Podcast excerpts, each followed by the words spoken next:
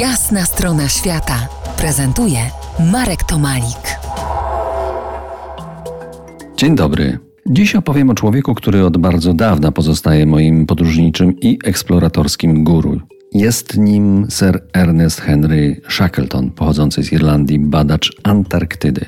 Kolejnych sześć odsłon naszych dzisiejszych spotkań po jasnej stronie świata wypełnią moje wspomnienia i refleksje dotyczące tego niezwykłego człowieka, ale zanim to nastąpi, pragnę przygotować grunt, uczynić takie oto geograficzno-cywilizacyjne założenie.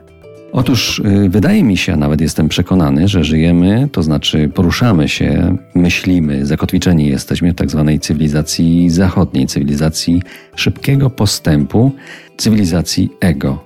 Na antypodach tej naszej cywilizacji jest, może być coś zupełnie innego, czyli Coś, co naprawdę jest zrównoważonym rozwojem, gdzie miejsce ego wypełnia współpraca między ludźmi, prawdziwa, prosta empatia wobec wszystkiego, co ożywione, a nawet wobec tego, co my tu i teraz nazywamy nieożywionym.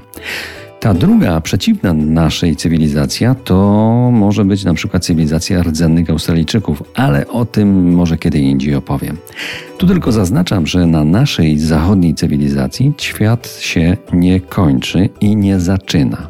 No dobrze, a jaki to ma związek z polarnikiem Shackletonem, który organizował wyprawy badawcze na Antarktydę na samym początku XX wieku? Shackleton wśród swojej konkurencji wyróżniał się cechami, które bardziej pasują do tej innej niż nasza cywilizacji, to też jeśli popatrzeć na jego osiągnięcia, to zaliczał kolejne porażki, jedną po drugiej. To jest, wybrał się na biegun południowy, ale go nie osiągnął.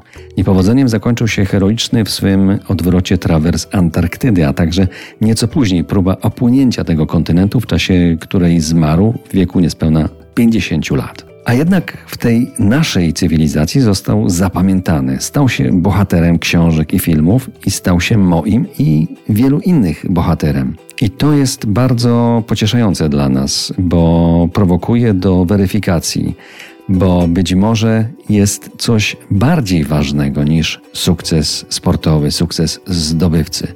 Warto się nad tym zastanowić. Sylwetka Ernesta Shackletona ma tutaj swoją dużą moc. Szczegóły przedstawię za kilkanaście minut dzielonych muzyką RMF Classic. To jest jasna strona świata w RMF Classic.